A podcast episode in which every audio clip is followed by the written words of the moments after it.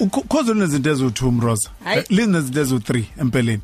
Lu- lunendlebe yokukwazi ukulalela luneso lokukwazi ukubona bese luba nesandla lokukwazi ukwenza izinto.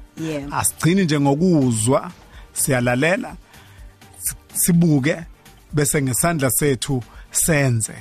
Kodwa futhi asikwazi ukwenza konke lokhu sisodwa. Sinenhlanhla yokuthi sinomndeni wethu omkhulu ongabalaleli bethu. Em namhlanje sinensizwe encane siyimemile. Eh nathi sibone ku ku- Twitter ku Instagram eh be- bebhalile kade bebhalile beposte ngalensizwe encane. Sasisithi asifune lapha engakhona ngoba eh simbonge kakhulu okuyena owathatha wa- wa- wayiposta lensizwa le. Eh ukuthi umfana omncane kangaka okuthiwa ukudweba kukhiphe njengobunjalo enwa 12 years efunda nje futhi ezikoleni mroza. Okungashiwo ukuthi mhlawumbe lesi sikole siya siya specialize Kulowo mkhakha. kulomkhakha lo owenza Ne- ukwa neyikole lezo kuye kuthiwe zinkulu. Ngoba kuthiwa phela kunezikole ezinkulu Ehhe. nge nge nge ngeshwa kasifundanga ezikoleni ezi- ezibizwa kanjalo. Lo mfana uyifundela nje eMbasela Primary School emachobeni. Kodwa isimangaliso iz- izinto azenza ngezandla zakhe ukudweba oku- o- o- o- o- Hey uyabo u- indlela adweba ngayo kuye sekulindele kumuntu osebuya eh, kuma ku- emfundweni ephakeme kuma universities kuphi kuphi kuma FET colleges Dweba into efana nale. oseqeqeshiwe Yep. Ngo- ngo- kwashiwo kwathiwa ku- ubokwenza kanje kanje kanje kanje kuze kuphume into enje umdwebo yakhe uyabona ukuthi yile mdwebe osithi masibuka ko Italy sibuka ko France sibuka kuphi kuphi leso kibekwe kumbukiso nakuma museum amakhulu ingafika ingene yakhe ithi khaxa. Phakathi. Izinto nje ayidwebile mroza ziyamangalisa. Kahambi ke yedwa uhamba nothisha. Eh sikhulume nothisha omkhulu umem maphumulo. Eh siqala nje ukukhuluma masiqala ukufonela esikoleni. Siza sisazingela nakhona sasifuna isikole. Ngoba iyasiza internet eh sathola ku internet yasinikeza inombolo sakhuluma nothisha omkhulu. Kodwa namhlanje base besithumelela kuthisha ucabashe asimbingelele ke eh, thisha ucabashe sakubingelela thisha ucabashe uyinhloko eh, yomnyango eShodi khona lapha esikoleni. Sakubingelela se. Sibingele shenge nomroza nabalaleli siyabonga kakhulu ukuthi nisimeme sibe la ekhaya namhlanje. Hawu bakithi siyabonga kakhulu. Bese kuba ke ulungelo mjwaha size na 12 years. Bingelela abalaleli lungelo. Sanibona nibalaleli. um Ah, mncane nangesidumbu lo muntu. Yey bakithi. Mncane nangeminyaka. Ungikhumbuza mina ngisafunda ngangimngaka nje Eh, kodwa ukuhlakanipha uyakubona? Uyakubona? Uyaphila Yebo, siyajabula ukuthi sivakashele ukhosini FM uja- ujabule kakhulu nawe. Yebo ngijabule kakhulu. aha wawungazi ukuthi ngilanga uyokuyithola uphakathi e-studio ubuka i-studio. Ngiyakubona uyaqalaza ubuka eh njengamanje ufaka ama headphones eh njengamanje ubuka eh, i-TV ubuka ama microphone ubuka into eziningi ziningi izinto osuthe wayiqaphela ungenile nje. Yebo, aha uyajabula kakhulu. Yebo ngiyajabula kakhulu. amadoda hey uhlala nobani ekhaya lungelo? Ngihlala nogogo noma nomalume noanti nengane zasekhaya. awubabizi ngamagama nje uma ugogo umabani Uma sithole uma ubona uphi mjwara, uphilile mjwara, uphila sande mjwara no- nosomele zonsodo n- nolindo kuhle mjwara. awu mfana wamezo ubazi bonke abantu aba- abantu ahlala nabo ekhaya bathe bazobelalela umsakazo namhlanje Yebo ba- bathe bazobe bewulalele. okay nabangani bakhe esikoleni oba abangani bakhe esikoleni Uvuka Ndube no no odla nabo. eh uvukani uvukani nothobani nomalo nothobanqoba ah. nenisuke nenzani nje? Nijwayele ukwenzani ndawonye? Sijwayele u- ukuthenga izinto si- sidle ndawonye sidlale ndawonye. Nidlale ndawonye. Eh. Hey. Hmm. Thisha mkhulu I mean eh thisha ucabashe asiza kuwena mfowethu. U- u- Lo muntu umsebenzi omuhle kangaka. Eh ngi- ngi- ngizwile masikhuluma nothisha omkhulu ukuthi nani esikoleni niyamangala manibuka imisebenzi eyenziwa yilensizwa. Niqala nini ukubona ukuthi ay lo muntu ak- akadwebi njengokwejwayelekile nangokulindelekile esigabeni sokukhula kwakhe. No shenge ngathi njena ziyadweba ingane eziningi eh ezikoleni nje ingane zithanda ukudweba kakhulu kunokwenza umsebenzi wesikole so ke badweba nje baningi. Kodwa u- ulungelo mawuzobheka nje indlela adweba ngayo uyabona ukuthi i- isikhala phakathi kwakhe nontanga bakhe sikhulu ngalendlela exakayo. Eh ngakuthi even abantu mhlambe abakuma 20s aba abafake kahle kahle kuyena. eh so ke sathola ingenye nje ingane yavena yagijimisa ifile yakhe. Eh yazisa kumina yathi eh Mr Cabashinangu umsebenzi kalungelo. Mangiyivula nje eshe ngoqala kwawuthi ngime phansi ngoba na okokuqala nje angisaye ngikhola ukuthi idotshwa wena so ngase ngimcotha kadwebe esinye isithombe futhi ukuthi ke bese ngiba nesiqinisekiso ukuthi wena ukuthi yena udwebile. ngoba mawuzobheka nje uvula ifile yakhe bese bethi ukudwebe ulungelo lo mjwaha ngeke impela wakholwa. So ke ngase ngicela ke lo mdwebo awudweba ke ngikhona eh kwasiyacaca ukuthi impela uyena. Eh makwenzeka njalo kwafuneka ngiyiphuthumise ngoba ngabona ukuthi into enjengale yakwazi ukuyihlalisa esikoleni eh, um- umphakathi ungayazi. Ya. So savena sayifaka ku Facebook sathatha izithombe lezi sayivena sayiposta ku Facebook okuyimanje unama shares angitha eh, inkolongwane ezishagalombi ezishagalombi eh about 8000 ku Facebook Facebook shares. Abantu bemangele ba- bemangele bem- bem- bem- bem- bembheka nje bembheka izwe lonke not only KZN uh, nje South Africa yonkana. So ke into nje isigcwele yonke indawo abantu bayamanga lakho ukuthi ingane neminyaka emingaka kungenzeka kanjani ukuyidweba kanjalo dweba ayikho into angayidwebi esheng eh ungamnika isithembe esithile la uDakas Cape ozosikhipa nyoba njalo futhi ak- ak- akuthatha isikhathi eside ukuthi akwenze lokho.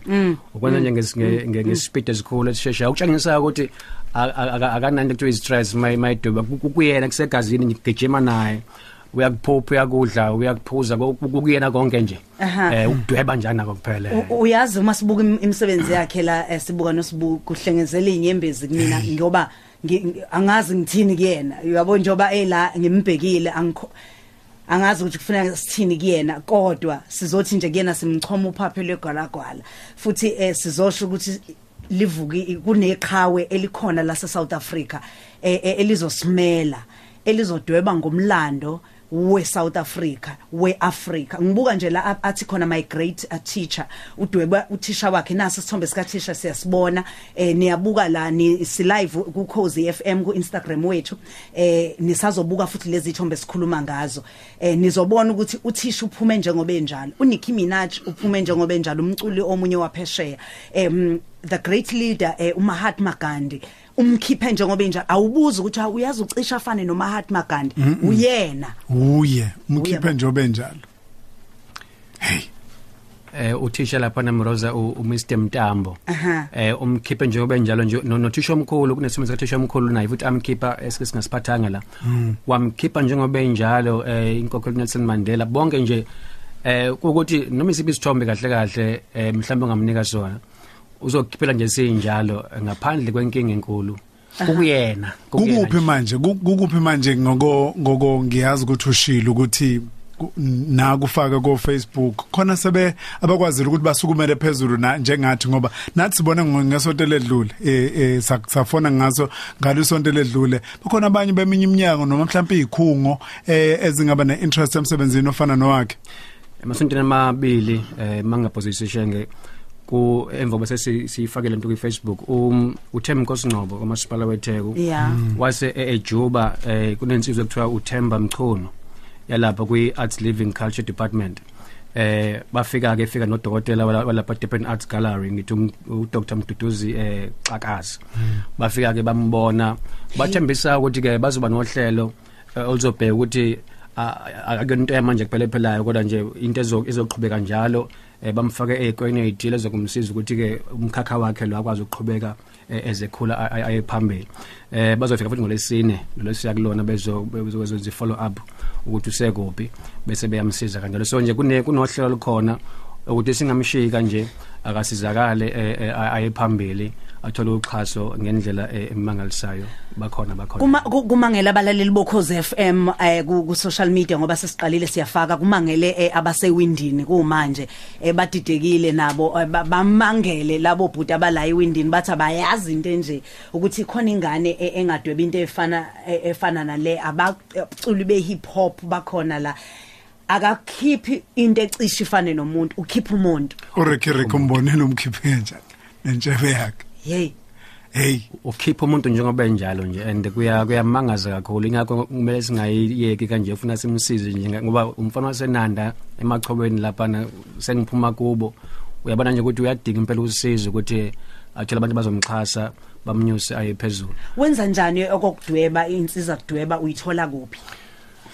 Okwamanje ube ubesazenzela yena nje aba- aba- a- a- athenge lapha kubo. Kune excursion nje bekhona wathi akungeke akwazi ukuya yena ngoba ufuna ukuthatha leyo mali leyo ayi- a- ayigcine ukuthi akwazi ukuthenga ngayo eh, insizwa zakhe U- zokudweba. u- u- uyayithengela? Uyayithengela kwamanje ingakho nje kuzomela ke ukuthi senze sibe isiqiniseko sokuthi laba bathembisile ukuba bazomsiza bese be mhlambe be- benze njalo ngoba okwamanje yonke into ayenzayo uyenza nje uyithengela yena amaphepha nasesikoleni ngeke siyamsiza lapha embasela. Ukuthi ke ngenxa ukuthi sesiyabona ukuthi unje eh bese siyangena njengesikole ke sim simxhasa kanjalo kodwa akakwenele. Indlela ayiyona ufuna manje ukuthi kube ne- namaphepha athile akhona. Ama- amaphepha ahlukene amapeni akhona ahluka futhi. Eh so usethi manje into ezoqondana nokudweba ngqo ngoba lo sikwenza amaphepha nje lawa ajwayelekile noma pencil lawa ajwayelekile kodwa kunezinto ezithile mase udweba njengayo kufanele ukuthi ubuyithole ukuze ukudweba kwakho bese kube kuba kuhle kuqhama kahle eh kube sezingeni. Uyimuphi umngani wakho lo wagijimisa eh, um- umsebenzi wakho wawusakuthisha? Intombazane yaseklasini nokulunga ngubani? Unokulunga ngubani? Wa- u- emangele wabona ukuthi lokho kuhlanganipha nje sibuka ukuthi bebancane bonke eklasini kodwa vela bonke lento kufanele iye kuthisha. U- u- ufanele simbonge u- umuntu ofana no no no no- nokulunga? yebo nokulunga ngubane funeke Ngcubane. simbone. Iyakhombisa lento ukuthi aba- abaholi sivele sinabo Yo. be- be- be- belaphayana phansi ngoba ukwazi nje ukuthi abe neso lokukwazi ukuyibuka Yes. lento angayibuki ngeso elijwayelekile. Eh nangeso lengane. Kodwa libuke ngeso lomuntu omdala ayithathe leyo nto ayise kuthisha omkhulu. Siyabonga kakhulu. Eh, ngoba sesiyasonga ke u- u- u- ufisa uma ngathiwa nje uyayicela ukusizwa ubungathi ufisa ukusizwa ngani my boy? Ngifisa ukuthengela izinto zokwenza into zokwenza ukudweba bese futhi ngibe ngifise ngifise futhi nokuthi sibe sezingeni eliphezulu nomndeni wami. Hawu bakithi nawuzokwenza boy. Eh ngiya- ngiyakuthembisa.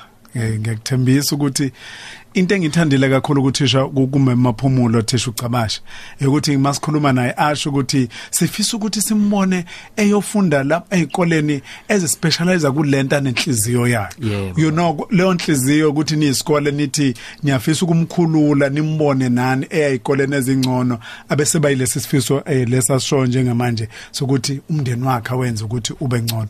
Siyanibonga kakhulu ngendlela emangalisayo. Mhlawumbe se- singakavali nje eh, thisha kukhona inline buye nibone khona ukuthi ngaphandle mhlawumbe kokudweba khona eh, ezinye izifunde nibona ukuthi ubukhali kuzona eh, ahlakaniphe kakhulu kuzona ngoba phela imvamisa abantu abanjengaye. Uyuthola ukuthi kuba nemxhantela yezinye izinto eziseduzane ezizolekelela ikhono lakhe.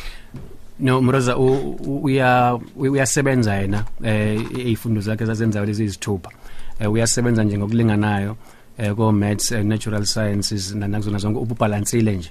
Eh siyamkhuthaza ukuthi anga angafocus kakhulu la ngoba bese esikoleni semncane kufuneka a- akwazi ukuthi a- athole i- i- imfundo i- i- i- i- ezemfundo kahle nazo ziqine. So that is our that's our job yeah Okay. esikoleni. Ikhona imininingwane esingakwazi ukuthi banithinte kuyona mangabe befisa uku- ukuxhumana nani em abangathanda ukulekelela baphonte isandla. mhlambe nje kwamanje shenge singanika mhlambe i- i i- cellphone number. Eh ngaba 0832916597 eh bakhulume no Mr Cabash Okay, lo umuse cabasha lo khuluma njengamanje. yeah. Ase asiyiphinde inombolo kaThisha. Uthi 0832916597 ubheke bayasha khona manje. Bangathumela ke nathi futhi kwi-email yethu bathi zondo@sabc.co.za nathi siyondlulisela futhi esikoleni. Makukhona ulwazi enifisayo noma kukhona eh, mhlawumbe ningakwazi ukulekelela ngakho uzothi nje zondo@sabc.co.za sibonga kakhulu ukhule uyazwa boy. Mangibuka wena nje ngivele ngikhumbule lesasithombe le interview ka kambuyiseni Ndlozi emncane emngaka isiqhathaniswa naye manje esewudokotela. Sikufisela lokho nawe uyezwa boy? Yebo. Sibonga ukuthi sicabashe shenge mroza sibunga kakhulu ukuthi nisimeme sibunga kakhulu